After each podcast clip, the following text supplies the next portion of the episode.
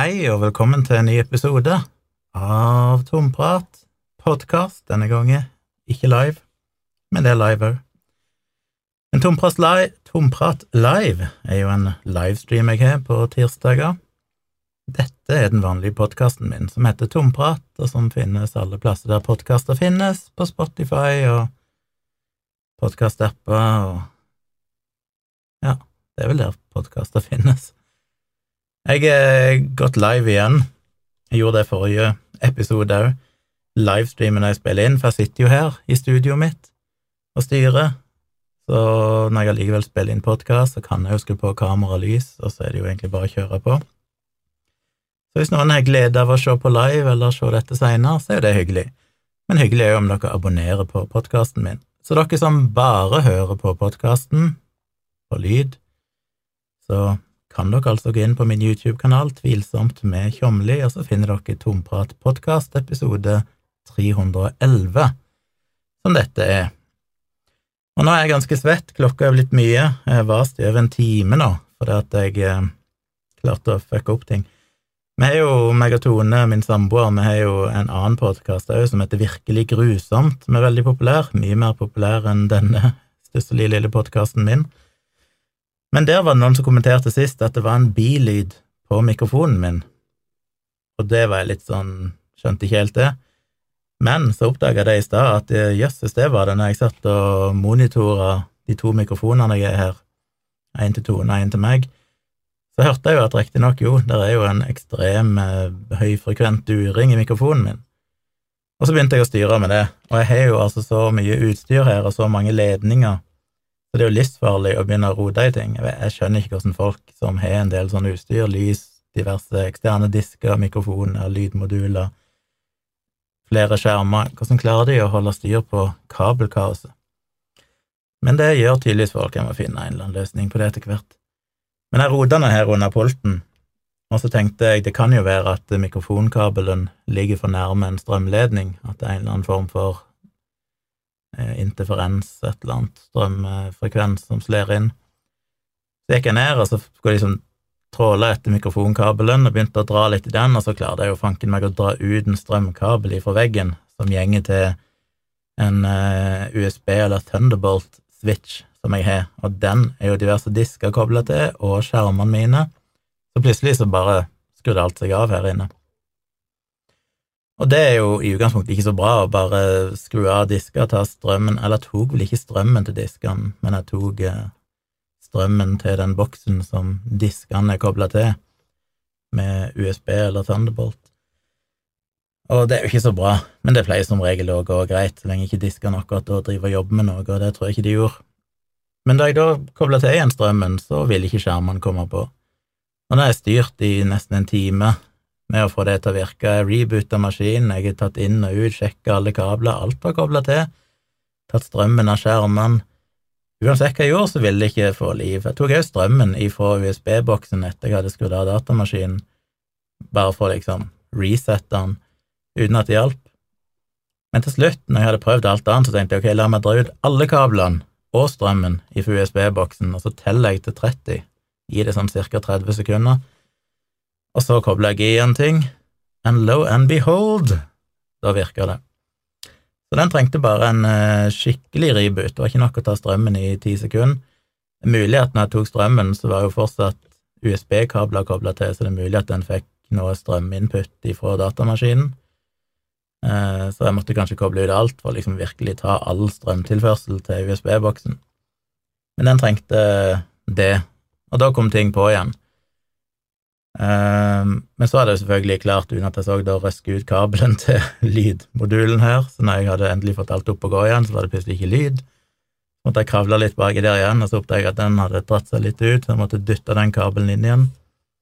Og så sjekka jeg på nytt om den støyen da var vekke etter alt det styret, hadde jeg i det minste fått vekk den duringa, og det hadde jeg, bortsett fra at han hadde flytta seg over til Tone sin mikrofon, eller gjestemikrofonen min, for å kalle det det. Så da måtte jeg bak igjen og gjøre det samme med den, tråle etter mikrofonkabelen og finne den og få liksom kveile den sammen og sørge for at ikke han lå i nærheten av noen strømkabler og sånn. Og da forsvant lyden der òg, eller bilyden. Så nå er alt i orden. Men Så var det sist òg. Sist jeg skulle spille inn òg og livestreame, så ble jeg sittende her og dilla i over en time. Men nå får jeg håpe at jeg har eliminert alle disse dumme feilene, jeg kaller det innkjøringsproblemer, i nytt studio, om ikke annet.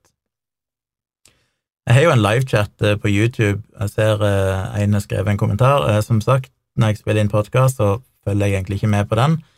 Dere må gjerne skrive hvis dere vil, men jeg kommer ikke til å samme, I en livestream så kommuniserer jeg jo med folk via chatten. Nå er det egentlig en enveismonolog her, siden jeg spiller inn podkast, men hyggelig at dere hører på eller ser på.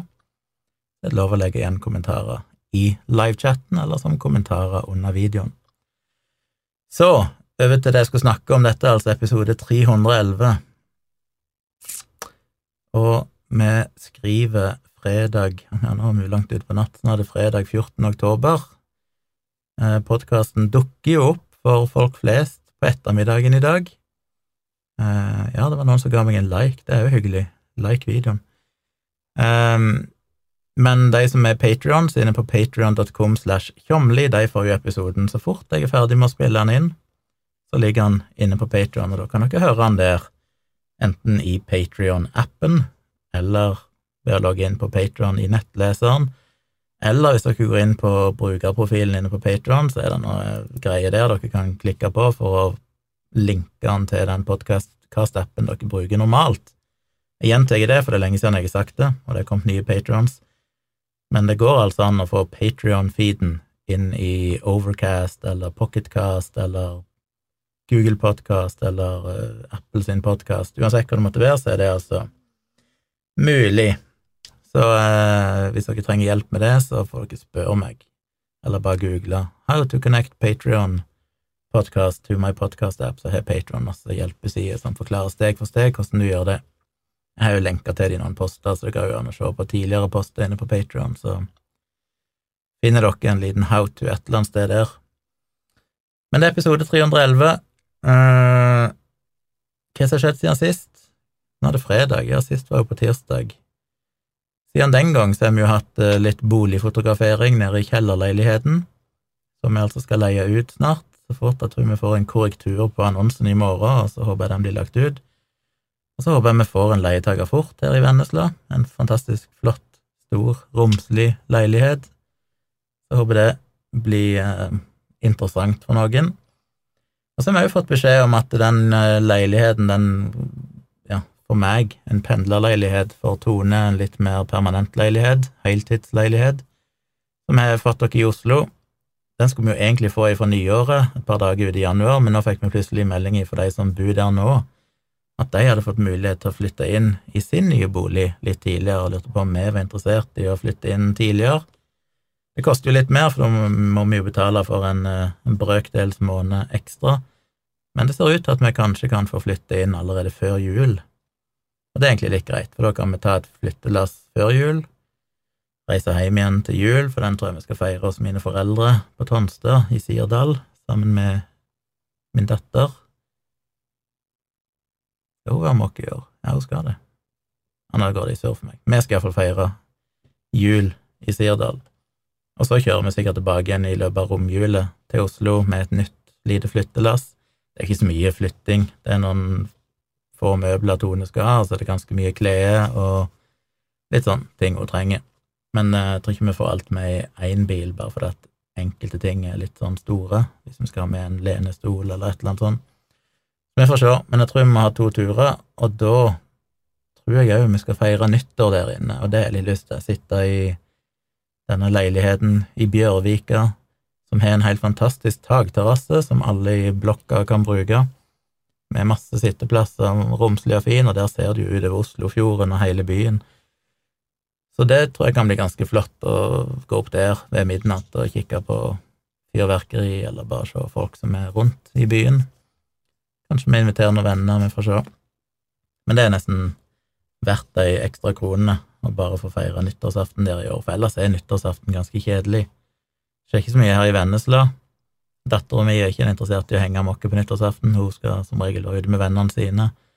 Det er ikke noe gøy å være på Tonstad, der skjer det ikke så mye. Så hvis vi først kan være i Oslo, så er det iallfall et hakket mer stas, det må jeg si. Og så har vi òg fått, eh, siden det er tre etasjer i dette bygget, så har vi jo hatt en nedgang, en trappenedgang ned til underetasjen, siden vi brukte den sjøl før. Før sjøl, sjøl før. Men den trappenedgangen har jo tatt ganske mye av eh, inngangspartiet her, for du kom liksom inn hovedinngangen, og så går du nesten rett på et gelender som sperrer for en liten trappenedgang. Nå som vi har fått eh, rydda ut og gjort alt klart der nede, så har vi omsider sperra av igjen den med en sånn svær lem, og lagt et teppe over og fjerna gelenderet, skrudd vekk det. Og plutselig så er jo gangen tre ganger så stor, og det føles jo som en helt ny bolig. I det året jeg har bodd her, så har det alltid vært litt klaustrofobisk når du kommer inn, for det er liksom plass til at én person kan gå forbi. Nå er det jo plutselig så mye plass der i gangen at det er jo nesten en skandale. Så det er litt deilig. Det føles som at vi har kommet uh, litt videre. Jeg fikk en uh, telefon i dag, men som jeg sa her i var det i livestreamen jeg sa det, så hadde jeg vært dum nok til å, å uh, sende inn en sånn forespørsel om å få tilbud fra diverse strømleverandører for å se om noen kunne gi meg et, en bedre pris. Jeg vet ikke egentlig hvorfor, for jeg tror egentlig jeg har en grei pris på strømmen, og mest for moro skyld. Og så var jeg jo dum nok til å tenke at jeg kom til å få tilbud på mail, men sånn fungerer jo ikke verden. Nå er jeg jo blitt ringt opp av Norges Energi og noe som jeg er tracer til å være Fortum, eh, ja, et eller annet energi eller strøm, og eh, Fjordkraft, og jeg orker jo ikke ta sånne telefoner. Jeg orker ikke å inngå noen avtaler på telefon eller sitte og diskutere sånne ting. Så de har jo bare pumperingt dag etter dag etter dag nå, og jeg bare sitter hver gang det kommer et ukjent nummer, så er jeg inne på gule sider og sjekker nummer, hva er det for noe? Og så er fuck, det er Norges Energi igjen, jeg gidder ikke ta den. Og så plutselig så ringer det eh, et annet nummer, eller så ringer det et nummer som jeg tenkte igjen var en av disse strømleverandørene, men som vanlig så bare sjekka det for sikkerhets skyld, og så var det jo ikke det. Så jeg tok telefonen, og det var en journalist fra Dagbladet. Nei, jeg tok ikke telefonen, jeg sjekka det etterpå. Jeg rakk vel ikke å ta telefonen. Eh, så to sekunder etter det hadde slutta å ringe, så fikk jeg en SMS der det var en som skrev at jeg var journalist i Dagbladet, lurte på om han kunne ta en prat med meg. Så skrev jeg at ja, han kunne bare ringe. Så hadde han visst ikke sett den meldingen, så det gikk noen timer før han ringte på nytt. Men da gjaldt det en sak han driver og jobber med, der han intervjuer Hva er det han heter? Indergård, er det han heter? Indergård? En eller annen eh, pastor eller et eller annet som er med i Farmen. Jeg har ikke sett Farmen. Går det Farmen nå? Det går kanskje en Farmen akkurat nå, men det har ikke jeg fulgt med på. Men en eller annen religiøs dude som han intervjuer, vet ikke om de lagde et portrett av han, eller hva det var. Men han kom jo da med masse påstander om at han hadde helbreda diverse folk og alt mulig rart. Og så ville han jo ha en, en skeptisk, uh, skeptisk innspill så lurte han på om jeg ville ta det på telefon, eller om jeg ville helst ta det skriftlig, og så sa jeg at jeg gjerne det skriftlig. Hvis det er mye greier, da kan jeg få tenkt meg om og researche litt, hvis det er spesifikke ting og sånn. Nå skal jeg ikke avsløre for mye, for jeg skal ikke eh, ødelegge alt opp seg for Dagbladet og den artikkelen som kommer der, jeg kan heller snakke mer om det etter at det har vært på trykk, hvis noen er interessert. Om detaljene, kanskje jeg òg skriver en bloggpost, fordi Stakkars, altså sånn er det jo når journalister kontakter meg, så sitter jeg jo enten og prater i en time, og så skal de ha liksom to setninger, eller så hvis de får det på mail, så skriver jeg en avhandling. Og jeg gjør jo min research, jeg googler han jo og sjekker om han hadde fortalt disse historiene i tidligere intervjuer, det hadde han jo, og de hadde jo endra seg over tid, og det er jo alltid gøy når de kommer med sånne mirakuløse historier som plutselig er én versjon for et par år siden i én avis, og så får du en helt annen versjon denne gangen. Det sier jo litt om om både hukommelsen, hvordan den er upålitelig og en tendens til å gjøre historier bedre og bedre hver gang du gjenforteller dem, men òg eh, at fyren er vel notorisk utroverdig. Jeg tenker jo ganske fort at hvis noen hevder de kan helbrede folk for alvorlig sykdom, så er de noen ganske ukritiske narsissister som stort sett bare er ute etter å booste sitt eget ego, helbrede sitt ego mer enn å helbrede andre folk, for det er jo bare rein og skjær sjarlataneri. Spesielt når han har gjort ting som at uh, han uh, har fått uh, beinet til en gutt til å vokse ut til riktig lengde, som jo er det eldste trikset healere bruker, og har brukt i alle tider, og som Darren Brown viser i mange videoer akkurat hvordan du gjør, og du kan finne tusen artikler som forteller akkurat hvordan de gjør det trikset med å få det til å se ut som at ett bein vokser ut mens folk står og ser på. Og Det er bare så pinlig når en norsk healer plutselig kommer Og da vet du jo at det er en mer eller mindre en kynisk jævel, for da er det ikke lenger bare snakk om tru, da er det jo en bevisst manipulasjon. Da vet de jo hva de gjør, da er det jo bare rent lureri, og så er de faen meg frekke nok til å gå rundt og si at de helbreder folk i den tredje verden og fått beina til å gro ut igjen og sånn. Da får jeg bare ja. Jeg skrev vel noen ganske harde ting, men han kommer neppe til å gjengi meg på det i avisen, tenker jeg. Men jeg, jeg særdeles lite til overs for, uh, for den type sjarlataner. Uh, men det jeg skulle si, var vel det at jeg skrev så jævlig mye. Så jeg tenker, jeg, Det er jo typisk meg, jeg skriver sånn innledningsvis at ja, her er det mye å ta tak i, og dette kunne jeg skrevet mye om, men jeg skal prøve å gi deg et par korte svar. Og så har jeg plutselig skrevet fire sider, liksom. Og så har jeg oppdaga dette her, jeg kan jo ikke sende dette. Men jeg har ikke lyst til å fjerne noe av det heller, for jeg syns jeg trakk ut mye essenser, hadde masse kildeanvisninger, og så jeg endte opp med å skrive en kortversjon på toppen, liksom her er liksom korte punkter du kan bruke, men så kommer den lange versjonen etterpå med alle kildene, og så får du sjøl pusle sammen og bruke det du vil. Så det blir jo litt interessant å se hva han trekker ut. Det er jo alltid litt uh, deprimerende med sånne saker, for du har en eller annen, en eller annen skroting som kommer med masse udokumenterbare påstander som ikke bare er umoralske, men også direkte farlige, som får liksom tre sider i avisen, og så er det sånn, men så er det en skeptiker som sier to ting, eller to setninger på slutten, som sier at dette bare er tull. Og det blir jo veldig ubalansert, men det er bedre enn ingenting. Eh, men jeg tenker jo at hvis tar med veldig lite av det, eller kanskje uansett, når jeg ikke har gjort så mye arbeid og skrevet så mye, så kanskje jeg etter at Dagbladet har publisert sin artikkel, så kan jeg henvise til den, og så kan jeg skrive en bloggpost, og så kan jeg da basically copy-paste mailen min inn i en bloggpost og bare omformulere noen ting, og så er det jo en ganske grundig debank av den lurendreieren. Men det er det som er Det er jo dette klassiske sitatet med at det tar ti ganger mer energi å tilbakevise bullshit enn å produsere bullshit. Og det er det som er. Det koster han to setninger å hevde at han helbreder en lam gutt i India. Men skal du tilbakevise det, så må du forklare hvordan hukommelsen fungerer, du må forklare dette med confirmation bias, du må forklare at dette er triks som er godt kjent, og vise til kilder på hvordan du gjør det, Du må forklare dette med at eh, folk gjerne vil innfri ønskene til healere, ikke akkurat det med lange bein, men det var en del andre ting òg. Han hevder han hadde helbreda, som er sånn klassisk at vi vet jo ikke om personen egentlig ble bedre, men selvfølgelig sier de at de ble det. Og så er det jo selvfølgelig placeboeffekt. Jeg kan vise til studier som viser at det er dokumentert at placeboeffekten faktisk virker på den og den lidelsen, men det er bare en innbilt uh, bedring når du måler de fysiologiske markører og sånn, så ser du at personen lider akkurat like mye som før en potensielt dødelig sykdom. Altså, det er så mange ting du må forklare, og det, det kan du ikke gjøre i liksom to setninger. Da blir det bare å si at eh, nei, dette er blitt testa mange ganger, og det er ingen som klarer å gjøre det under kontrollerte forhold. Men det føler jeg ikke er godt nok. Jeg vil liksom forklare hvorfor folk lar seg lure, ikke bare at dette er tull. Så jeg håper jo han prøvde jo å hinte om at han kunne lenke til boken min jeg oppga jo, eller noen bloggposter, så det hadde jo vært gøy om Jeg skulle ønske de som leser en sånn artikkel, faktisk hadde lest placebo-defekten, for der forklarer jeg jo 100% av det som han Indagård, eller hva han heter, hevder at han har gjort, og forklarer hvordan det blir gjort, og hvorfor det ikke fungerer, og hvorfor folk tror det fungerer når det egentlig ikke gjør det. Men det er for mye å håpe på. Um, ja, nå hadde jeg et punkt her i lista som jeg hadde for mange podkaster siden og sa jeg skulle snakke om seinere, og så har jeg flytta til denne episoden, men så har jeg jo glemt å researche det, så da blir det ikke snakk om noe heller. Men jeg har fått noen mailer. Jeg har fått en mail fra Erik. Eh, Erik eh, Jeg vet aldri hvor mye navn jeg skal si. Noen syns kanskje det er stas at jeg nevner navn, andre syns kanskje de helst ikke vil jeg skal nevne navnet. Noen skriver jo ja, der ser jeg jo at han har faktisk skrevet at han vil være anonym, så jeg sier Erik. Eh, jeg kan si at det er ikke Erik Arnesen, men en annen Erik. Eh, han lurte på om jeg kunne bare kommentere denne ME-debatten med Harald Eia, som har rast litt i det siste.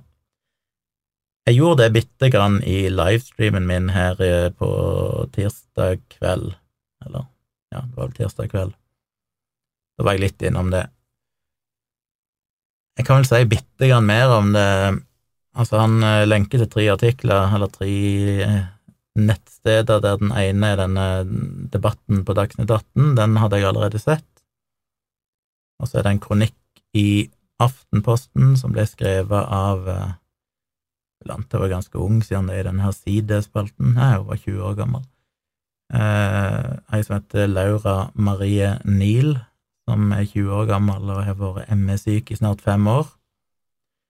Og så var det en artikkel, en sak fra Dagsavisen, der de snakker med hun eh, Frøydis Lilledalen, som vel var den som på en måte starta debatten, for det var hun de ringte og snakka med i podkasten, i Tore og Haralds podkast, og det var hun som følte at eh, etter hun hørte resultatet, så var hun ikke fornøyd med det, og så skrev hun en lang rant på Facebook.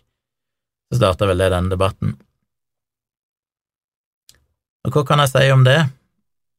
Vel, de som har fulgt meg, vet jo at jeg eh, blogger om ME.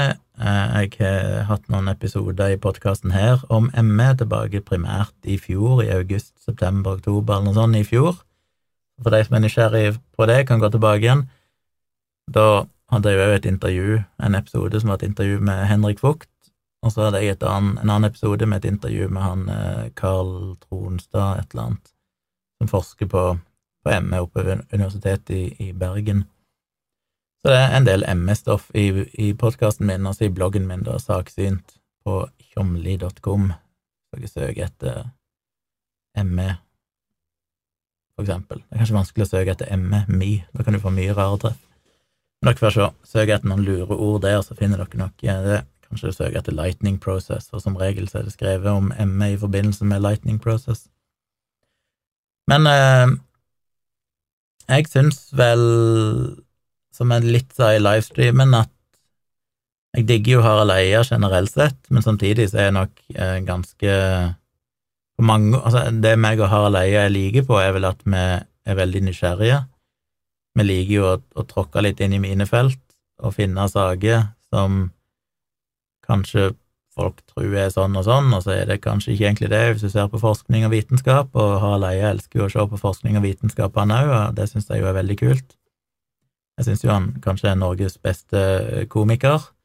Ingen andre som har lagd så morsomme ting, syns jeg, som det Harald Eia har gjort. Men han er jo han har jo noen sånn Jordan Peterson-vibbe. Han har jo litt den der eh, Litt den der at eh, Litt lite empati med kanskje folk som har det vanskeligere. Det, det, er kanskje feil å si, for jeg tror definitivt han er et empatisk menneske og egentlig har hjertet på rette sted, det er ikke det jeg mistenker, men han, han, er jo litt sånn at han er ikke så glad i det som er føleri. Ting. Han er litt sånn uh, Skal du kalle det litt sånn rasjonalitet, altså Facebook-gruppen rasjonalitetsskeptiker, som er veldig opptatt av at ja, vi må våge å kalle en spade for en spade, og så blir det litt for ivrig å være kontrær fremfor å faktisk se at her er det kanskje mer komplekst enn det vi enn det som kanskje er komfortabelt å tro at det er.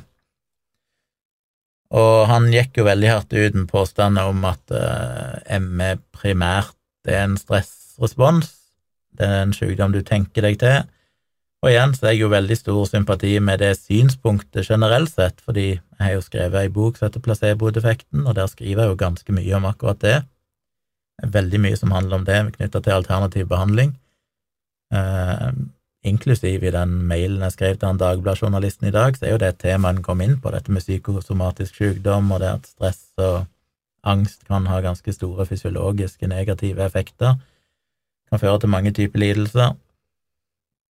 Og jeg tror, som jeg har sagt mange ganger før, at eh, enkelte ME-pasienter tror jeg nok havner litt i den kategorien, men jeg tror som sagt at ME er en sammensatt sykdom, eller er fortsatt en sekkediagnose, der vi forhåpentligvis om noen år vil se at ME egentlig kanskje er flere ulike sykdommer. Og til en viss grad så har jo ME, litt sånn i folkelig forstand, jeg sier ikke at det er det det er, men litt sånn det kanskje blir brukt, så er det jo fortsatt en en slags eksklusjonsdiagnose, altså når du har eliminert alle andre ting, så sitter du igjen med ok, da vet vi ikke hva det er, men symptomene minner om ME, altså får du ME. Er mer stringent enn det i praksis, men det er jo nok litt der, og vi vet jo, som jeg har nevnt, at en del leger ser ut til å sette en ME-diagnose litt for lett. helt uten grunnlag, det er det jo forskning på, at mange er feildiagnostisert. Eh, og jeg har jo sett sjøl personlige erfaringer av folk jeg har sett som har eh, fått en ME-diagnose, og så har de skifta jobb, og så blir de friske. Og da mistenker jeg selvfølgelig at dette er det vi kanskje før i tid ofte kalte å møte veggen, at det er folk som mistrives så mye på jobb, eller er så stressa, eller har det vanskelig i livet sitt, at, de, at kroppen bare shutter down fordi det blir for mye vanskelig. Og det vet vi er reelt. Som sagt, folk kan bli lamme, folk kan bli blinde, folk kan bli døve, det er bare å google det, det er godt dokumentert i i litteraturen at eh, det er konsekvenser av den type stress og angst, at du kan få ganske alvorlige symptomer. Men forklarer det ME? Eh, neppe alle tilfeller. Og det er fordi at eh, de strengeste Ikke de strengeste, kanskje, men de, det finnes vel enda strengere enn de som kanskje er de rådende diagnosekriteriene, men de rådende diagnosekriteriene de er jo såpass strenge at de vil i utgangspunktet utelukke det. Og et av de store symptomene som på en måte, man gjerne sier, skiller ME ifra den mer generelle betegnelsen kronisk utmattelsessyndrom. Og her, dette er det ikke noe fasit på, men mange vil mene at alle som har ME, har kronisk utmattelsessyndrom, men ikke alle som har kronisk utmattelsessyndrom, har ME. Så ME er på en måte en subgruppe av kronisk utmattelsessyndrom, eller CFS, chronic fatigue syndrome, som, eh, og det finner du jo i forskningen, så vil de fleste studier du finner, vil sjelden hete noe med ME. De heter som regel CFS-ME. Og en av grunnene til det er, så vidt noen forklarte meg, hvem som forklarte meg det, var det Henrik Vogt, eller var det den andre, men det handler mer om om når du søker i forskningslitteraturen, så vil du ha treff på CFS òg, så derfor så oppgir de gjerne CFS slash ME hvis de bare skriver ME, så er det kanskje ikke alle som vil finne fordi at internasjonalt så kan det være litt forskjellig terminologi og sånn. Men det som skiller ME fra CFS, er egentlig dette her eh, eh, anstrengelsesutløst sykdomsforverring, som er liksom et av de kjernesymptomene hjemme, det med at hvis du har belasta kroppen din, så blir du veldig sjuk etterpå. Jeg er jo sjøl en, en, ungdomsvenn fra videregående som fikk eh, kyssesyke først, og seinere så fikk han en kronisk utmattelsessyndromdiagnose. Dette var jo tidlig, eller midt på 90-tallet. Eh, han er vel seinere sagt han er ME, men da han først fikk diagnosen, så vet jeg ikke om ME egentlig var en greie, omtrent. Men han har vel iallfall ME. Og det var sånn typisk han. Han var jo en veldig aktiv idrettsmann, eh, skiskytter. Men når han fikk den sykdommen, så ble det sånn at hvis han bare jogga en liten tur så ble han jo sjuk i flere dager etterpå, og da får du influensasymptomer, du får feber, du får kroppssmerter, du blir slapp du... Så det er en sånn veldig tydelig konsekvens av at du belaster kroppen på noe som helst vis, og det er litt av det som skiller den mer generelle eh, utmattelsessyndromet, som er mer kanskje bare ja, utmattelse, alt dette her. Så det er nok vanskelig å si at det bare er noe folk tenker seg til at det bare er stressutløst. Det kan være det, jeg vil ikke utelukke det 100 eh, Vi vet jo ikke ennå. Men som sagt, han, han Tronstad som forsker på dette, han og en del andre mener jo at de har funnet biologiske markører som ser ut til å være unike for ME-pasienter, men igjen, det er ikke veldig godt dokumentert, og vi vet jo ikke helt sikkert om det er viser årsaken til ME, eller om det bare er en konsekvens av at de har ME en konsekvens av at de har kanskje leie i senga i månedsvis og spist dårlig og alt det her, at det kan føre til ulike biologiske prosesser som skaper forskjellige stoffer i blodet og sånn, som eh, du kanskje kan oppdage, men at det ikke nødvendigvis forklarer ME, men heller er en konsekvens av det. Så det Vi vet jo ikke ennå, det er jo problemet. Men det er klart det er stigmatiserende hvis du går ut og sier, sånn som har leia mer eller mindre jord, at dette her er det er folk som tenker seg sjuke. Og så tror jeg ikke svaret er helt sånn enten-eller heller. Jeg tror òg at en konsekvens av at du faktisk har ME, kan selvfølgelig være at du i større grad tenker deg enda verre enn det du er. Det er ikke helt urimelig å tenke at hvis du får en sykdom der dette med anstrengelsesutløst sykdomsforverring er et sentralt tema, så er du veldig opptatt av å lytte på kroppen din. og passe på å ikke pushe deg for langt, og kanskje bli overbevisst på symptomer og så videre. Så vet jeg jo ME, folk med ME som har hørt meg si det før, sier at det stemmer ikke, det gjør de ikke, tvert imot så prøver de heller å ignorere symptomer, for de vil jo fungere i hverdagen og sånn. Så tenker jeg at det er ikke alt som er bevisst heller. Det er mye vi gjør, mye som skjer ubevisst, og som påvirker oss ubevisst. Eh, litt sånn placeboeffekt, altså du kan være veldig bevisst et eller annet og rasjonell rundt et eller annet, men det er likevel ting som skjer i underbevisstheten som kan påvirke deg. Så jeg Og så er det jo det med at litt som med kreftpasienter, så du kan jo ha kreft, som er en reell, selvfølgelig, biologisk, om vi kaller det det, sykdom, og allikevel så kan din livskvalitet påvirkes av hvordan du tenker rundt sykdommen. Du klarer ikke å tenke deg frisk, du tenker deg ikke frisk for kreft, men du kan, basert på hvilken mental tilstand du er i, så kan du selvfølgelig ha det bedre og verre. I hvor stor grad det vil gjelde, det vil variere, det er jo veldig individuelt. Noen vil kanskje påvirkes mye av det, andre vil påvirkes mindre. Jeg, jeg tror igjen at det, det, er liksom ikke enten-eller. Det er jo noe i det Harald Eia sier. Jeg tror ikke det han sier der han mistenker at det kanskje er årsaken til sykdom, og er hele sykdommen, men selvfølgelig vil det jo kunne spille en rolle for de som har en sykdom, selv om den er, er et biologisk, holdt på å opphav. Ehm, det store problemet med det innslaget var vel at Harald Eia ser ut til å ha fulgt debatten litt for overfladisk. Så sier han jo selvfølgelig at ja, dette er et humorprogram, eller det er underholdningsprogram, og vi skal underholde. Og det gjorde de sikkert. Jeg har ikke hørt innslaget sjøl, for den ligger vel inne på Podmy, og har ikke tilgang til den, men det er sikkert morsomt og underholdende, alt dette her. Men uh, det er kanskje litt farlig å Det er vanskelig, selvfølgelig skal han kunne ha humor på ting, han skal kunne spøke med det meste, men det er klart det er en sårbar gruppe, det er en, en betent debatt, og hvis det er én ting folk med ME har hørt nok av, så er det jo nettopp det at dere vil ikke bli friske, for da hadde dere gjort X, Y og Z, eller det handler bare om noe mentalt. Men det er jo vanskelig å innbille seg at folk som har Sånn som hun venninna mi, som jeg har nevnt, som er leie Det er alltid vanskelig å kalle henne venninne, jeg vet ikke, en bekjent, som har leie i senga på et mørkt rom i fem år nå, at det er et slags valg, og som hun eh, godeste Laura Marie Neal påpeker, så er det liksom sånn at Men de har jo prøvd alle tingene. De har prøvd kognitiv atferdsterapi. Um, de har prøvd uh, forskjellige stressmestringskurs. De har, de har prøvd de metodene som er anbefalt, men det funker ikke. Og igjen, mange har jo òg prøvd ting som lightning process, og enten så virker de ikke, eller så blir de dårligere. Og det er jo strengt frarådet å prøve ting som lightning process og andre typer sånne graderte heter graded exercise uh, therapy. Det er jo egentlig frarådet å prøve det, for at folk med ME vil som regel bli dårligere av det. Det vil iallfall ikke hjelpe dem. Så problemet er vel bare rett og slett at en ikke satt seg godt nok inn i det, og jeg skjønner Harald Eia. De aller fleste har jo ikke det.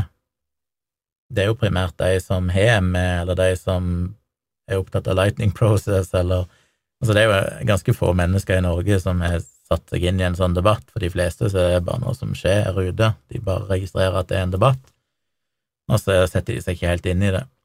Og det kan jeg ikke forvente at noen gjør, og kanskje ikke vi skal forvente at noen som lager et humorprogram, setter seg ned og researcher og setter seg inn i alt. Men da er det jo viktig at en iallfall tar imot den kritikken en får, og jeg syns jo Harald Eia for så vidt tok en del kritikk, men han endra vel ikke egentlig på standpunktet sitt. Han, han, var jo lei seg for at han hadde såra folk og alt dette her, men det virker ikke som helt han tok inn over seg at, at uh, evidensen er litt sterkere enn det han tror, for at dette ikke bare er folk som tenker seg sjuke. Så ja. Jeg fikk òg en mail ifra uh, Må se i alle mailene her.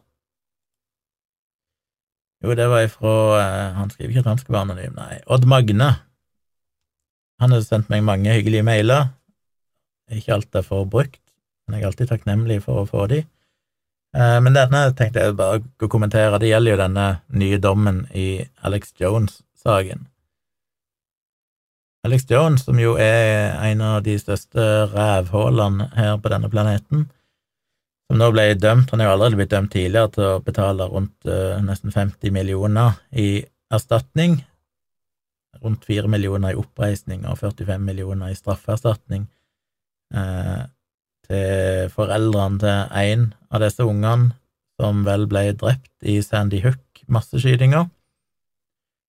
Og ja, mens nå er han jo dømt i en ny sak med, som vel er det, flere andre etterlatte fra den Sandy Hook-skytinga, eh, der tross alt 26 personer ble drept, 20 av de var elever på skolen. Og nå er han jo dømt til å betale nesten en milliard dollar Er det dollar, eller er det krone? Jeg ble fuckings usikker. Det hørtes jævlig mye ut med en milliard dollar, men det stemmer vel kanskje, det. Nå googler jeg det fort, bare så ikke jeg sier feil. Hva er den siste dommen? Jo, det er faktisk eh, dollar, ja. Nesten en milliard dollar. Det er jo litt penger.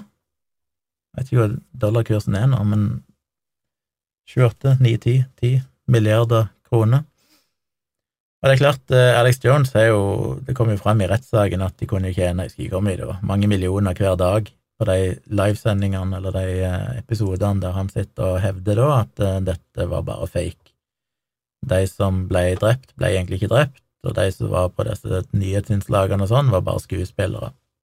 Som jo er det han er dømt for, for det er jo en grov Ja, det er to ting, på en måte. Det ene er at det er jo en grov krenkelse og si noe sånt. Stakkars foreldre som har mista ungene sine til en, en Det er litt Tenk Utøya her i Norge.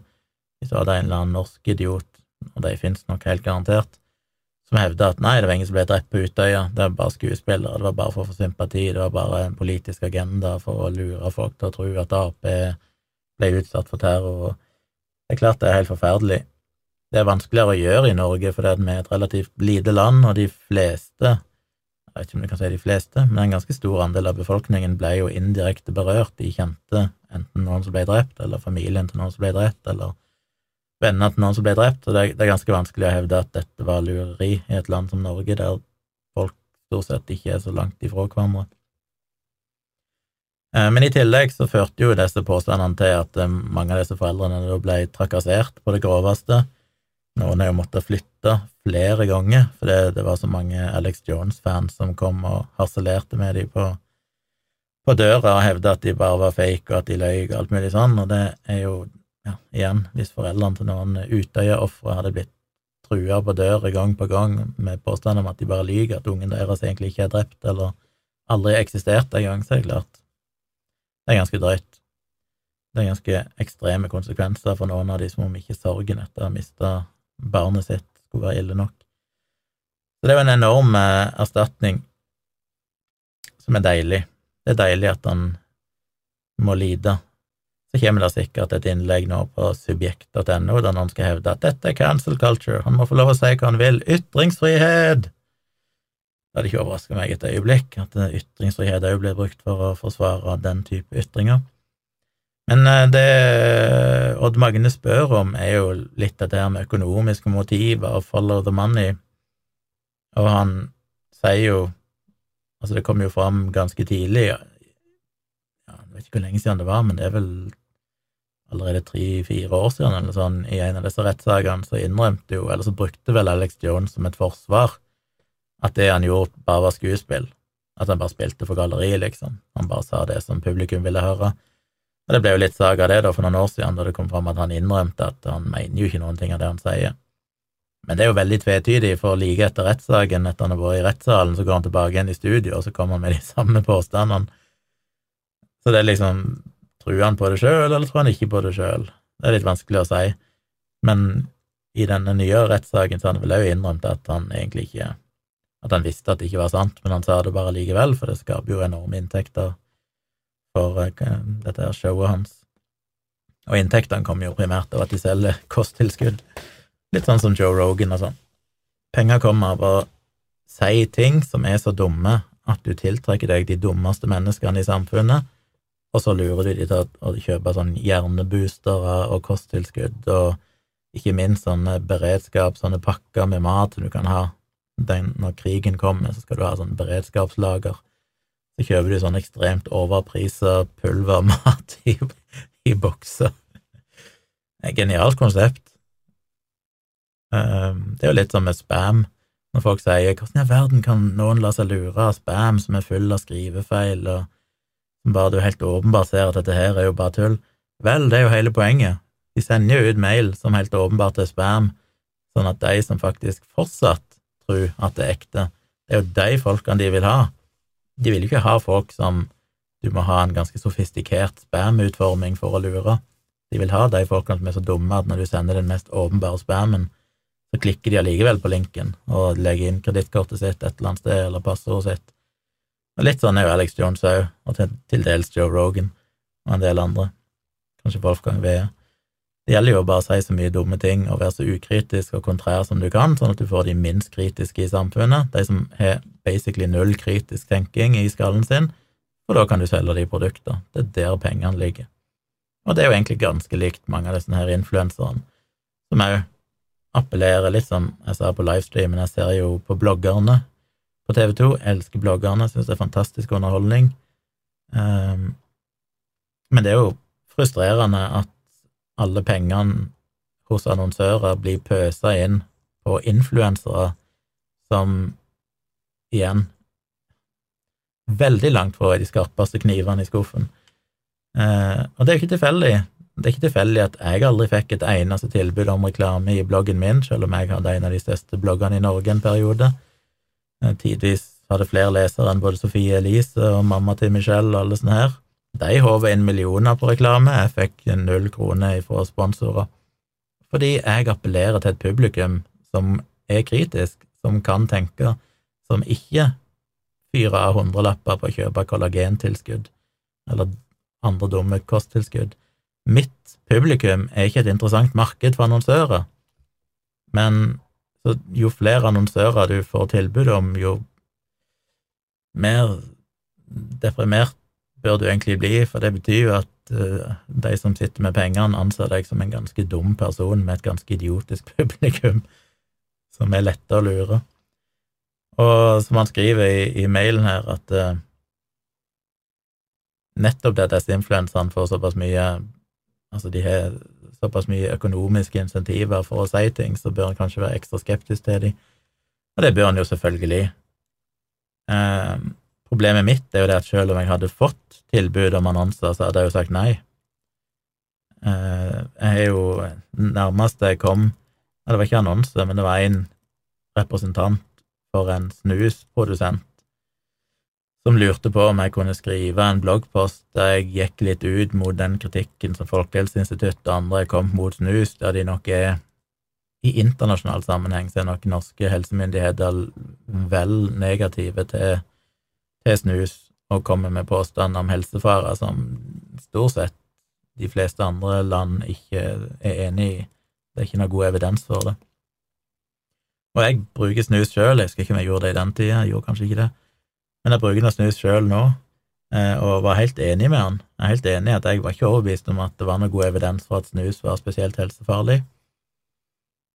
Bortsett fra avhengighet, men det er jo ikke en helsefare i seg sjøl. Men, men, eh, så han sendte meg jo en mail med argumenter og noen kilder og sånn, men da kan ikke jeg skrive om det. Hadde ikke jeg fått den mailen, så kunne jeg godt ha skrevet om det. Men i det øyeblikket han sender meg den mailen, og dette er det jo ingen som vet om, det, jeg sa det jo ikke til noen, det var ikke noe offentlig, det var bare privat, det er først flere år etterpå jeg snakker om det. Men fordi han sendte meg den mailen, så tenker jeg nå er jeg, eh, nå jeg skitna til på et vis. Og hvis jeg skriver den bloggposten nå, så vil jo det fremstå som om jeg er kjøpt og betalt, ikke at jeg fikk noe penger for det eller noe sånt uansett, men jeg hadde liksom blitt påvirka av noen som helt åpenbart sjøl var partiske i saken. Så det er, jo, det er jo der jeg eh, Det er jo det som ødelegger for meg. Og i den tida jeg hadde reklame i bloggen, som jo gikk via Nettavisen i de tre årene jeg samarbeida med Nettavisen, da hadde jo jeg ingenting med annonser å gjøre. Jeg hadde bare noen sånne koder i bloggen min som gjorde at det ble automatisk henta annonser fra Nettavisen, som ikke jeg styrte noe over, det var kun Nettavisen som solgte dem. Og så fikk jeg en prosentandel av de annonseinntektene når folk eh, lasta det i bloggen min. Men til og med da, ikke sant, jeg fikk en reklame for et produkt som skulle, en sånn kosttilskudd som skulle være slankende. Det første jeg gjorde, var jo å skrive en bloggpost der jeg slakta produktet. Og som illustrasjonsbilde brukte jeg jo et bilde av min egen blogg med den annonsen rundt. Jeg skriver en bloggpost der jeg kritiserer annonsen i min egen blogg, som visstnok førte til at Nettavisen tapte en reklameavtale på rundt en million, ifølge Stavrum senere. Eh, men all kred til Stavrum, han syntes at det var helt greit. Det var viktig for han å være journalistisk uavhengig, og hvis en annonsør ikke tålte at de fikk kritikk, så, så var det greit for han. Det, det var ikke penger han ville ha. Så det er kudos for det. Men det er jo litt sånn, det er jo det som er problemet. Det er ikke rart jeg ikke får annonsørene. Jeg kritiserer annonsørene sjøl, så lenge de er dumme. Eh, så det han spør om, eh, han Odd Magne, er jo litt at selvfølgelig er jo jeg òg en av de. Jeg er jo òg en du skal være skeptisk til, fordi kanskje jeg har noen interessekonflikter eller økonomiske insentiver. Og det er jo nettopp derfor jeg aldri har sagt ja til annonser. Eller ikke sagt jeg har ikke fått tilbud om det, men jeg har jo tenkt mange ganger om jeg skulle legge inn Google tags for å få sånn Google-annonser, eller om jeg skulle sjøl ta kontakt med noen som jeg tenker at det er noen jeg kan stå inne for. Og det er jo egentlig ikke uproblematisk. Nei, det er jo egentlig ikke problematisk. Altså, selvfølgelig, hvis jeg hadde annonser for noen som jeg kan stå inne for, og ikke har noe direkte med innholdet i bloggen min å gjøre, så burde det ikke være noe problem. Men til og med da så vet jeg jo bare at det kommer til å bli brukt mot meg. For jeg blir jo alltid beskyldt for å være kjøpt og betalt. Som regel er det jo legemiddelindustrien. Tjomli har fått millioner av legemiddelindustrien for å skrive positivt om vaksiner. Ikke fått ei krone, og hadde de prøvd å tilby meg penger, så ville jeg ikke tatt imot det. Så jeg så jo at uh, han uh, Jan Ole Hesselberg, han uh, la jo ut på Facebook nylig at på nettsida si så hadde han lagt ut ei egen side der han lista opp sine potensielle interessekonflikter, siden han av og til er med i sånn som Folkeopplysningen og andre ting, der han snakker om, om primært sitt fagfelt, da, som er psykologi. Og det var egentlig en god idé, og jeg har egentlig lyst til å gjøre det samme. Eh, og det, ja, så da Jeg vet ikke hva jeg skulle ramse opp der, men det, det blir vel blir vel litt som han å bare nevne de tingene jeg har vært med i. Jeg har vært med i noen TV-programmer, jeg har blant annet jobba litt en sesong i redaksjonen i Folkeopplysningen i lenger, det skulle bety noe. Nærmest jeg kom en interessekonflikt, er vel at én gang så holdt jeg et foredrag for Hvem var det? En eller annen legemiddelprodusent, jeg husker ikke hvem det var lenger. Eh, på like linje som alle andre foredrag, de betalte meg akkurat det samme som alle andre for alle som booker meg, og og i det foredraget så står jo jeg og kritiserer legemiddelindustrien og forteller hvordan legemiddelindustrien er kynisk og har mange svin på skogen, så jeg skal ikke bli beskyldt for å si det de ønsker å høre. Eh, men det er det nærmeste jeg har kommet, at i løpet av de 12-13 årene jeg har holdt foredrag, så har jeg vel én gang holdt et foredrag for en legemiddelprodusent som ble booka gjennom eh, denne her eh, Athenas, som har sånn eh, foredragsformidling for meg, så det var ikke noe direkte kontakt med meg engang. Så det er sånn jeg kan nevne. Ok, kanskje jeg har en interessekonflikt fordi jeg en gang holdt et foredrag for mange år siden og fikk betalt akkurat det samme som hos alle andre som booker meg til foredrag, og der jeg til og med kritiserte legemiddelindustrien, men utenom det så er det vel egentlig ingenting. Men jeg har lyst til å skrive ei sånn side og bare tenke meg nøye om og se sånn, er det noe her, er det et eller annet som bør nevnes? Men generelt sett så er det jo ikke det. Vi har jo reklame i podkasten, og som jeg har sagt før, eh, alle annonsørene som er i denne podkasten, Tomprat, eller i Dialogisk, som jeg har sammen med Dag Sørås, eller Virkelig grusomt, som jeg har sammen med Tone Sabro, så får jeg jo alltid med en mail først fra moderne medier, det er jo de som booker annonsene, der de sier at hei, vi har fått en ny annonsør, det er den og den og den, er det greit? Og da er det som regel greit hvis det er liksom Viaplay eller uh, Fiken eller uh, Manscaped eller et eller annet sånt som er sånn Dette er jo ikke noe betydning for noe jeg skriver om, men Eller mener noe om. Men det har vært noen der vi har sagt nei, der vi har sagt at mm, jeg er ikke helt komfortabel. Og det er klart, det er kjipt, fordi vi har ikke så mange annonsører. Skulle gjerne hatt flere annonsører, det er ikke så veldig mye penger i podkast. Men til og med da så kan ikke jeg ha en annonsør som jeg tenker at de har et budskap som ikke jeg helt kan gå god for. Så konklusjonen er vel bare det at ja, selvfølgelig, alle disse influenserne som driver med reklame, og reklame er jo deres primære inntektskilde, så skal han selvfølgelig være kritisk, og det er jo derfor vi òg i norsk lovgivning eh, forplikter de til å skrive når ting er i annonse, sånn at du vet at det de sier her, det er de betalt for å si. Gjør de ikke det, så kan de straffes. Men jeg er usikker på hvor mye det hjelper hvis de har et veldig ungt publikum og sånn, så Og de sier at 'Å, denne hudkremen er jeg så fornøyd med, den har jeg brukt eh, i mange måneder nå', hjelper det kanskje lite at det står at dette er en annonse, for da tror folk allikevel at ja, men de sier jo at de har brukt den, og de er fornøyd med den, da må vel det være sant? Så en må jo bare være skeptisk. Men jeg håper jo at jeg har klart sjøl, iallfall, å holde meg så ryddig som jeg bare kan. Um, og så er det jo som jeg har sagt mange ganger, at hvis jeg hadde blitt kjøpt og betalt eller fått betalt av legemiddelindustrien, så har jeg aldri helt skjønt logikken i det. Fordi legemiddelindustrien ikke er én bedrift. Det er ekstremt mange konkurrerende bedrifter. Som eksempel, når jeg da har sagt at uh, folk burde ta HPV-vaksinen, og den er effektiv og trygg, så var jo det I den tid så var det Gardasil. I den tid jeg blogger om det. Og den er jo laga av uh, MSD Heter de bare MSD, eller står det for noe? Merck, Sharp and Dome. Men den er iallfall laga av MSD. Men så har jo norske myndigheter gått over til Savarix. Oi. Google hvem som lager Savarix. Det er GlaxoSmithKline. Så det er litt sånn Hvorfor skulle MSD ha interesse av, å betale meg hvis jeg da fortsetter å reklamere for HPV-vaksinen etter at deres egen konkurrent, som har da på en måte eh, tatt ifra de en sikkert ganske lukrativ avtale med den norske stat, hvis jeg da driver og reklamerer for begge, hvem av de skulle ha interesse av å betale meg da? Eh, da måtte det jo vært at jeg plutselig begynte å si at Savarix, den bør dere ikke ta, den er skikkelig ræva, og så bare stått på at det er liksom Gardasil som er tingen, for det er de som har betalt meg. Så det gir jo ingen mening. Jeg har jo anbefalt influensavaksine, og jeg har anbefalt eh, diverse andre vaksiner, uavhengig av hvem som produserer de. Jeg har jo anbefalt covid-vaksiner helt uavhengig av hvem som er produsenten. Driter vel i om det er Pfizer eller Moderna eller det er en annen produsent. Eh, så det er en sånn absurd ting at det skulle være en slags felles interesse i det når de konkurrerer temmelig hardt, og de som leverer eksempel en, en vaksine til det norske vaksineprogrammet, må jo gjennomgå en anbudsrunde der de må levere inn både pris og dokumentasjon på effekt og sikkerhet og sånn, og så blir det vurdert ut ifra hvem som er den beste prisen, og hvem som kan vise best sikkerhetsdata og alt mulig sånn. Så det er jo ikke som at, at det er noe korrupt der, det er en, en anbudsprosess som er åpen, eh, og de blir vurdert på lik linje, eller de, blir, de må konkurrere med hverandre. Så det vil, vil gi lite mening. Det hadde vært mistenkelig hvis jeg bare alltid promoterte Pfizer sine ting, eller alltid promoterte GlaxoSmithKline.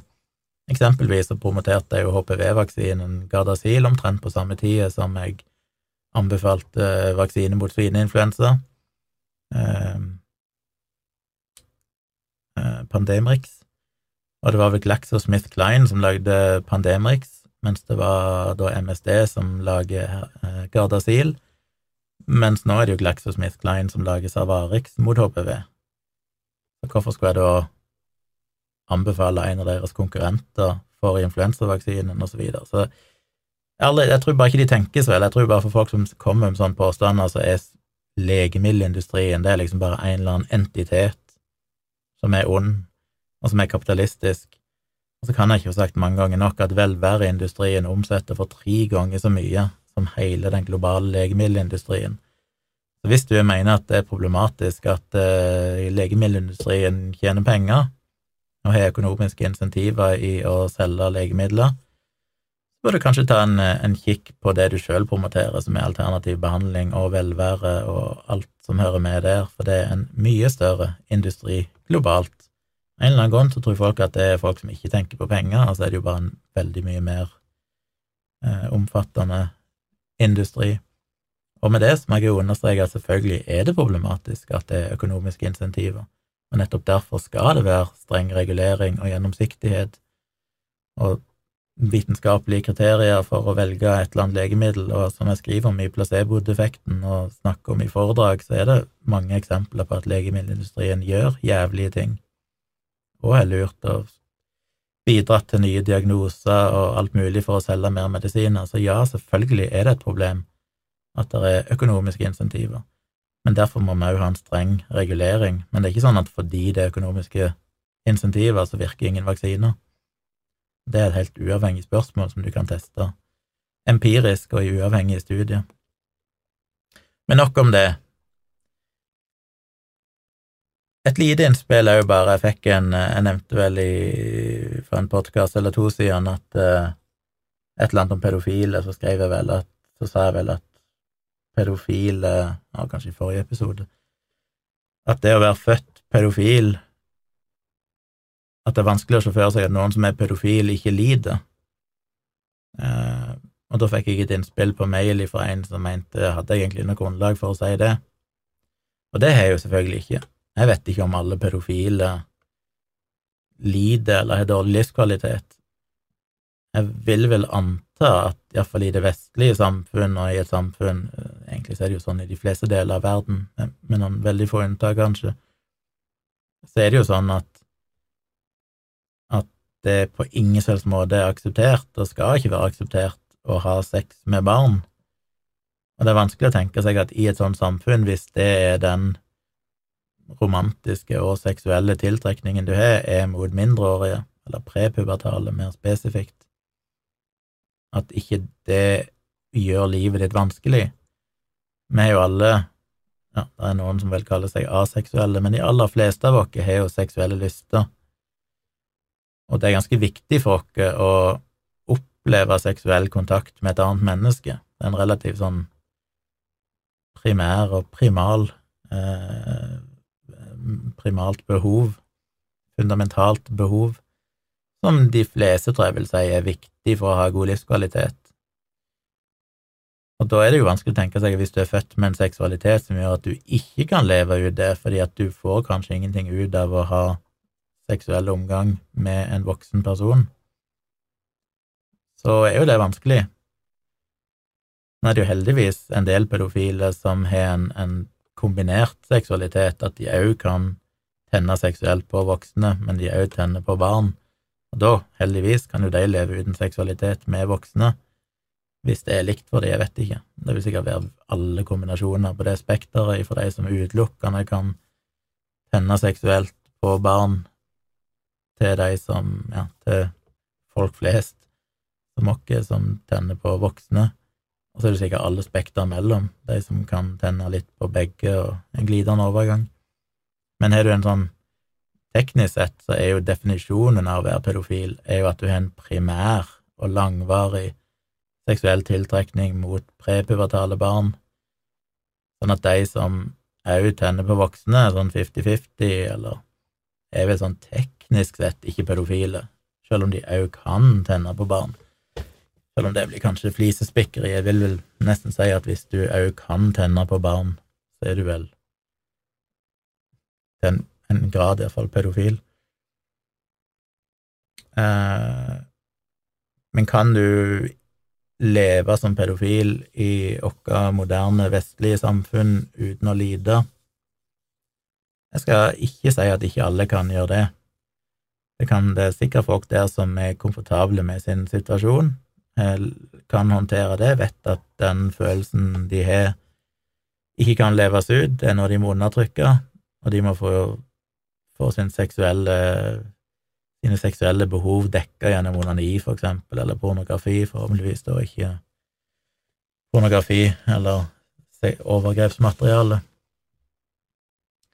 Eh, men etter mitt syn da, så burde de jo da hatt tilgang til animert pornografi, som er ulovlig fordi det kan gi dem iallfall den utløsningen, den seksuelle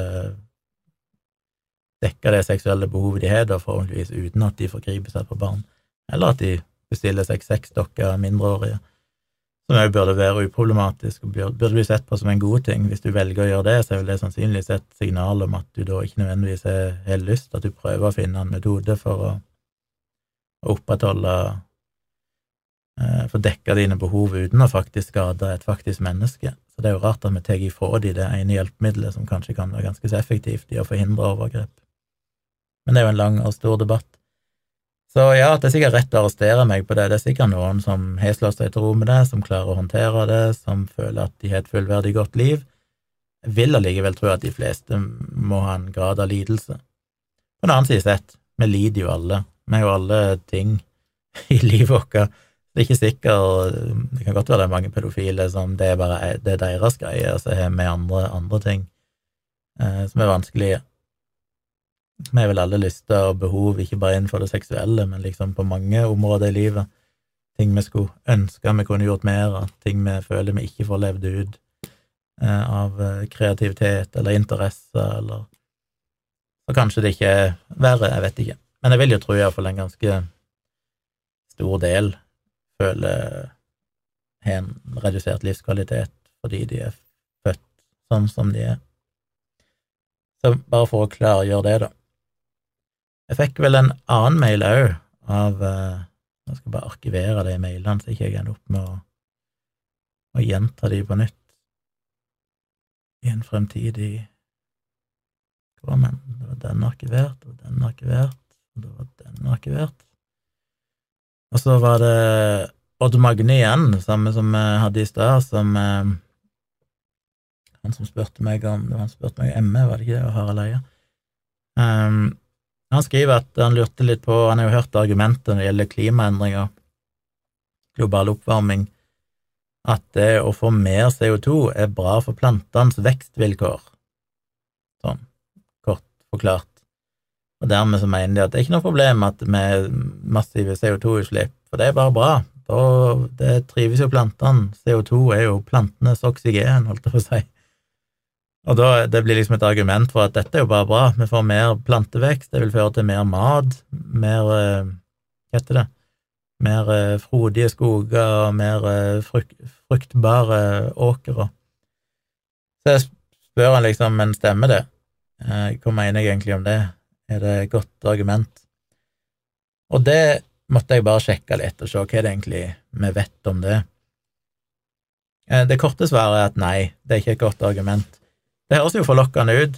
Jeg mener, gjennom fotosyntese så tar jo plantene vann ifra jorda og CO2 ifra lufta og konverterer det, konverterer det til sukker og oksygen. Ikke sånn det Så slipper de ut oksygenet, og så bruker de sukkeret til å bygge celler og så videre, som næring. Så de på en måte puster jo CO2. Så en skulle tro at jo mer CO2 det var, jo bedre var det for plantene. Problemet er at uh, de plantene som eksisterer nå, har jo utvikla seg i preindustriell tid, altså før vi fikk de høye CO2-nivåene. Så de tilpassa seg et CO2-nivå som er lavere enn det som etter hvert kommer. Dermed er det ikke sånn at jo mer CO2 du får, jo bedre er det, for veldig mange planter kan ikke nyttiggjøre seg av den CO2-en. Og så er det jo en enorm cherrypicking å si at mer CO2 er bra for plantevekst, ergo så er ikke global oppvarming noe problem, men plantene sliter jo med mye mer enn bare CO2. Eh, global oppvarming vil jo òg føre til høyere temperatur, som fører til mer tørke eller mer regn, alt dette som hvor du er hen, eh, som igjen ødelegger vekstvilkårene for planter. Store deler av verden, som jeg òg ser allerede nå, der eh, i Somalia og deler av Afrika sånn, som nå sliter med enorm tørke og matmangel, som jo egentlig er en konsekvens av den fuckings vestlige verden som eh, har overforbrukt ressurser og pumper ut altfor mye CO2, og så er det de fattigste blant dere som selvfølgelig får problemet først, og vil lide mest. Men der ser vi jo at tørke og sånn gjør jo òg at de får ikke dyrka mat, og det blir mer sult, og det blir mer folk som på flukt, og det kommer til å bli store problemer. Så det er naivt å tro at hvis du bare pumper inn mer CO2, så vil det være bare for plantene, for det er jo ikke bare CO2 de er avhengig av, de er jo avhengig av vann, de er jo avhengig av riktig temperatur. Men det er liksom hypotetisk, da. hva de faktisk forsker på. Og det er flere studier som er gjort på dette. Én studie vil sjekke om og jeg legger jo som vanlig linker til alt det jeg snakker om her, det havner i shownotes og under YouTube-videoen og sånn, for de som vil lese det seinere. Men én studie så på skog, på tre, og så på vil vi få raskere vekst av skog når det blir mer CO2 i lufta. Og det korte svaret var at det, i, i, det store og hele så vil du ikke det. I enkelte områder der du har allerede mye fuktighet, eksempel i tropiske områder, og der det er litt mer kjølig og sånn, eh, så vil du få kanskje litt mer vekst av skog, men der er det jo stort sett mye skog fra før. Mens i de fleste områder så vil trærne faktisk vokse seinere, der det allerede er litt varmt, eller der det er litt tørt, så vil du få mindre vekst. Så alt i alt, summa summarum, så vil du få en redusert skogsvekst.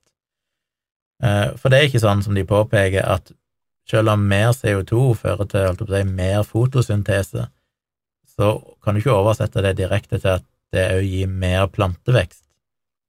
Og de har òg gjort studier som viser at plantene blir mindre næringsrike når de får mer CO2. Så de klarer ikke å Jeg vet hva som er mekanismen der, men det ser iallfall ut til at de da trekker opp mindre mineraler og, og, og stoffer, næringsstoffer ifra jorda, som gjør at plantene og fruktene og grønnsakene i seg sjøl blir mindre næringsrike jo mer CO2 de tar opp.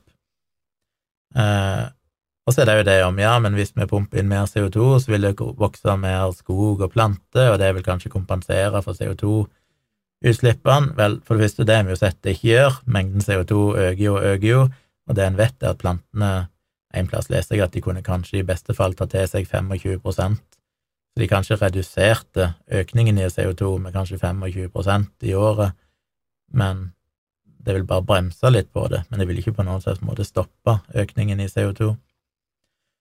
Eh, og så har de òg sett på, som sagt, eh, forskjellige planter, om de i det hele tatt da vokser mer når jeg snakker om trærne, men det er kanskje ikke det mest interessante. Det kanskje mest interessante er jo de tingene vi spiser. Og det de har sett, er at for eksempel mais, soyabønner og ris har mindre vekst når de får mer CO2. Og de tre plantene er jo kanskje står jo for maten en, Jeg har ikke noe tall på det, men en stor del av verden så er ris, soyabønner og mais en ganske viktig en ganske viktig, det er en helt sentral, kritisk del av kostholdet, ikke minst for å mate dyr som de får kjøtt ifra, og så videre. Så det er klart at hvis mer CO2 fører til at vi får mindre mais, soyabønner og ris, så er jo det en katastrofe i seg sjøl. Eh, og så er det dette med cherrypicking, som sagt, i tillegg til at eh, vi får mer varme, vi får mer tørke, så glemmer de at ja, la oss si da, hypotetisk sett, at mer CO2 faktisk førte til at ja, vi får masse mer planteproduksjon og mer mat, og alt er bare velstand. Men det er jo igjen da cherrypicking, det å ta én av tingene og si at fordi denne ene tingen er bedre, som det jo faktisk ikke blir, ifølge studiene, men la ikke si det hadde blitt det, så er det fortsatt enormt mange andre problemer, sånn som sagt tørke, som ikke bare påvirker planter, men også påvirker faktisk vanntilgangen til mennesker og dyr. Eh, havet stiger. Det kommer jo stadig mer dramatiske prognoser nå over hvor mye havet faktisk kommer til å stige, og det er ganske skremmende. Det er helt uunngåelig at vi vil se millioner på millioner mennesker som må flytte på grunn av havstigning, eh, og som allerede må det nå. Eh, vi vil se mer ekstremvær, vi vil ha mer flom, som vil rasere byer, vil rasere land, landområder, som igjen ødelegger for plantevekst og, og produksjon av plantemat og dyremat. Eh, og i tillegg så vil vi ha en generell oppvarming, selvfølgelig, som ligger i hele begrepet, både av hav og av klima generelt, som totalt vil endre økosystemene, utrydde dyrearter, føre til at dyr forflytter seg til områder de aldri har vært før, vi vil få insekter som vi ikke har sett før, kanskje malaria, mygg.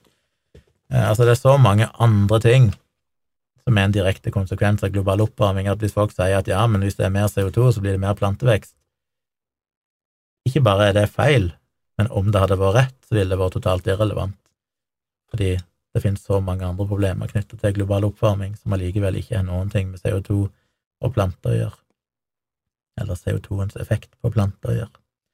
Jeg skal legge noen linker i shownotes der det står litt mer om det, så dere kan lese. Og til slutt et spørsmål ifra Hvem var det? Ifra igjen en Erik som lenker til et par saker i NRK. Dette er en mail jeg fikk for en måneds tid siden. Eh, det var noe snakk om hudkremer som skulle beskytte mot sånn farlig blått lys. Og så sier vel forskeren der at det er bare tull, det er ingenting å si. Men allikevel så nevner han at uh, at han mente å huske at Wasim Sahid hadde skrevet i en av bøkene sine om at du ikke skulle ligge og scrolle på mobilen rett før du planlegger å sove. Uh, vet ikke om han da mente bare fordi at du ikke skal ligge og se på lys, eller om han spesifikt nevnte blått lys, det vet jeg ikke. Men iallfall så er det jo mange, og det har vært enormt med skriveri om dette med blått lys, altså de blå bølgelengdene i lyset, spesielt fra mobiltelefoner og nettbrett og sånn, at det er farlig. Og det er jo to ting der å se på. Jeg ser er det jo dette med folk som anbefaler, de selger jo masse sånne briller som skal filtrere ut blått lys som du kan ha på deg enten hele dagen eller iallfall på kvelden og sånn før du skal sove. Hvis du ligger med mobilen, så kan du ha på deg sånne briller som skal filtrere ut det blå lyset. Men det er jo egentlig to spørsmål. Det ene er er dette blå lyset helsefarlig.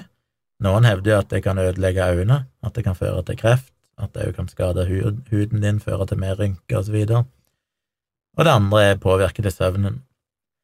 Og det jeg har klart å finne ut etter å ha lest en del artikler og sett på noen eh, systematiske litteraturgjennomganger, så er jo konklusjonen, ser det ut for de fleste, er jo at én, det er ingen evidens for at det er skadelig, helsefarlig, verken for hud eller med tanke på kreft, eller at det skader øynene, primært fordi at det lyset som kommer fra lyspæra eller fra mobilen din, er så ekstremt mye mindre sterkt enn bare det lyset du får fra sola. Så hvis noen ting av det hadde gitt deg helseskadene som blir påstått, så ville det være ute i sola i ti minutter og drept deg, liksom. Eh, jeg husker det var en studie, for jeg, jeg researcha dette litt her for noen uker siden, når jeg fikk den mailen, og så glemte jeg å snakke om det, men da husker jeg, nå fant jeg ikke igjen den artikkelen, men det var noen som hadde målt lysstyrken ifra en vanlig mobilskjerm og sammenligna det med lyset ifra sola, og jeg husker ikke tallene, men det var liksom det sollyset du får på deg, til og med på en overskyet dag, er liksom tusenvis av ganger kraftigere enn det du får ifra en mobilskjerm, så det er helt absurd å tenke at det skulle være helsefarlig på noen måte, så det kan en basically bare ignorere, de påstandene, det er ingen evidens for det.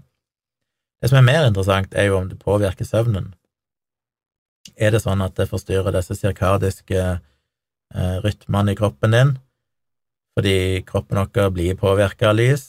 Vi er vel evolvert til at Nå vet jeg at evolvert er ikke egentlig et norsk ord, men fuck, det er et godt ord allikevel evolved, evolvert til å eh, bli påvirka av lys.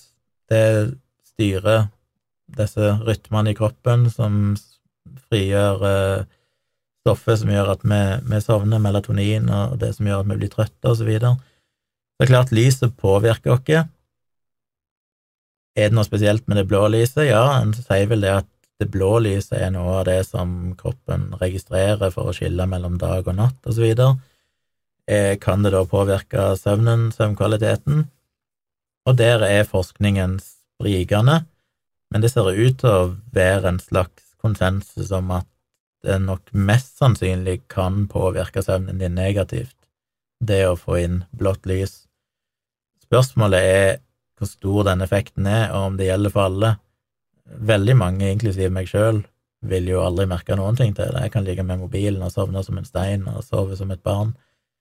Eh, men det er jo bare en anekdote, så spørsmålet er i disse studiene og det er gjennomført en del studier på det, så er det sprikende resultater, og i den grad de finner noen effekt, så er den ofte ganske liten, men den ser ut til å være der for noen.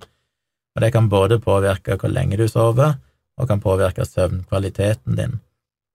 Det det ofte kan påvirke, da, er jo hvor lang tid du bruker på å sovne, fordi at kroppen opplever det som at det fortsatt er dag, og dermed tar det litt tid før liksom kroppen begynner å roe seg ned og gå inn i nattsovemodus.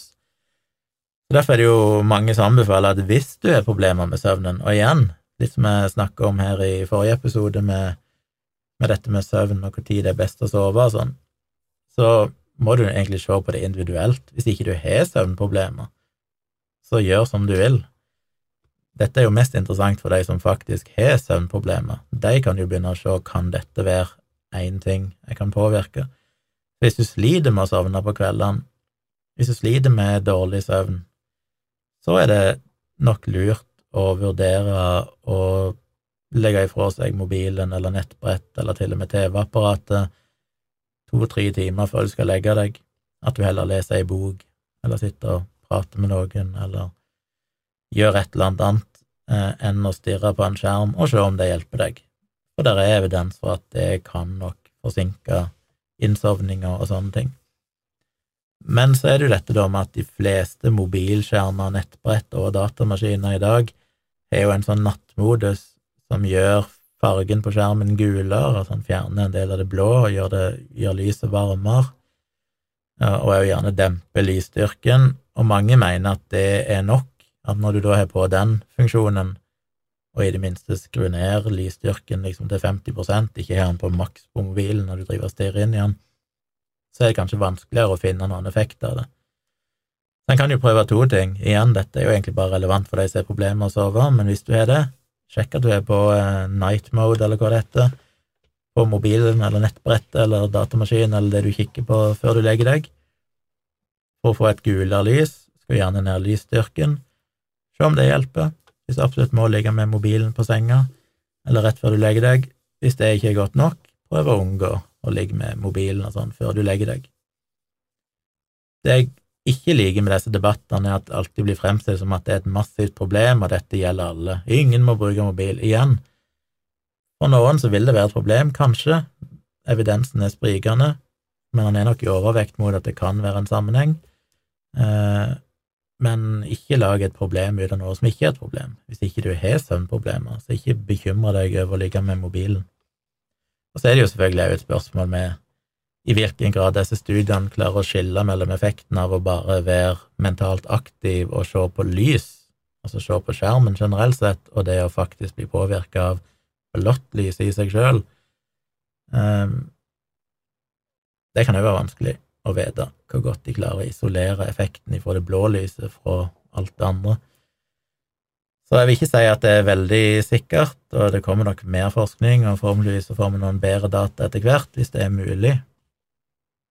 Men helsefarlig er det ikke, og jeg har ikke sett en eneste plass der noen eksperter eller forskere har sagt at du bør kjøpe deg briller som filtrerer blått lys. Det sier alle at det er null effekt. Det er bare å å droppe det. Så det tror jeg skulle besvare alt jeg hadde fått mail om i dag. Jeg snakka godt og lenge. Oi, jeg, har fått en tommel ned. Er det bare en kødd, eller er det noen som ikke liker dette fantastiske innholdet? Skuffende. Må ta litt cola for det. Men gjerne flere thumbs up, enten du ser videoen live eller du ser den seinere. Det er hyggelig. Det bidrar jo til spredning av det jeg håper er et godt budskap. Eh, husk å abonnere på podkasten min Tomprat hvis ikke du gjør det allerede. Og så er det veldig hyggelig om du vil sjekke ut patrion.com slash tjomli. Støtte meg inne på Patron, da kan du få både lydbøker og videoforedrag og noen bonuspodkaster, og du får jo denne podkasten før alle andre. Eh, og så støtter du en god sak, håper jeg. Støtter det arbeidet jeg gjør med å sitte i timevis og researche disse episodene og eventuelle bloggposter jeg skriver, og andre ting jeg driver med. Eh, det håper jeg du syns er verdt det. Det er bedre det enn å kjøpe kollagentilskudd av en eller annen eh, blond influenser, håper jeg. Dessverre er det stort sett majoriteten velger heller å bruke pengene der, sa han bittert og vondbrotent. Ja, det tror jeg var alt. Takk for at dere så på her midt på natta, dere som har sett på. Eh, det er noen få som har kikket innom live, selv om det var helt uannonsert. Så er det alltid noen som følger med. Det syns jeg er veldig kult. Og takk for dere som har hørt eh, podkasten, eller ser dette i holdt jeg på å si, reprise, ser det i opptak på YouTube senere. Spre gjerne det glade budskap, tips andre om podkasten min eller video, videoene mine eller YouTube-kanalen. Og så blir det en livestream i morgen, vil si i kveld, altså fredag 14. oktober, klokka ti, så kjører meg og Tone en felles livestream som jeg kaller for Ærlig talt, som du finner både på denne YouTube-kanalen, Tvilsomt med Tjomli, så vel som på Tone sin YouTube-kanal som heter Tone Sabro. Det er en samsending som blir vist begge plassene. Vi kjører den vel òg ut på felles YouTube-kanalen som heter Greit nok for en fisk, eh, bare for moro skyld, bare for at det av og til skal dukke opp noe innhold der òg. Men eh, veldig kult om dere vil joine oss i kveld, altså fredag kveld klokka ti. Så blir det en eh, samsending, eller en felles eh, stream. Der kan dere da delta med spørsmål og innspill, og så sitter vi her begge to og snakker med dere. Det pleier alltid å være hyggelig. Det er lenge siden sist, jeg tror ikke vi har gjort det siden midten av juli. Var sist vi hadde en felles stream. Så det var på tide, inn i et studio, hvis vi klarer å få plass her i dette trange studioet. Men da skal jeg runde av. Takk igjen. Jeg er tilbake med en ny episode neste uke, på tirsdag, forhåpentligvis. Så følg med. God natt.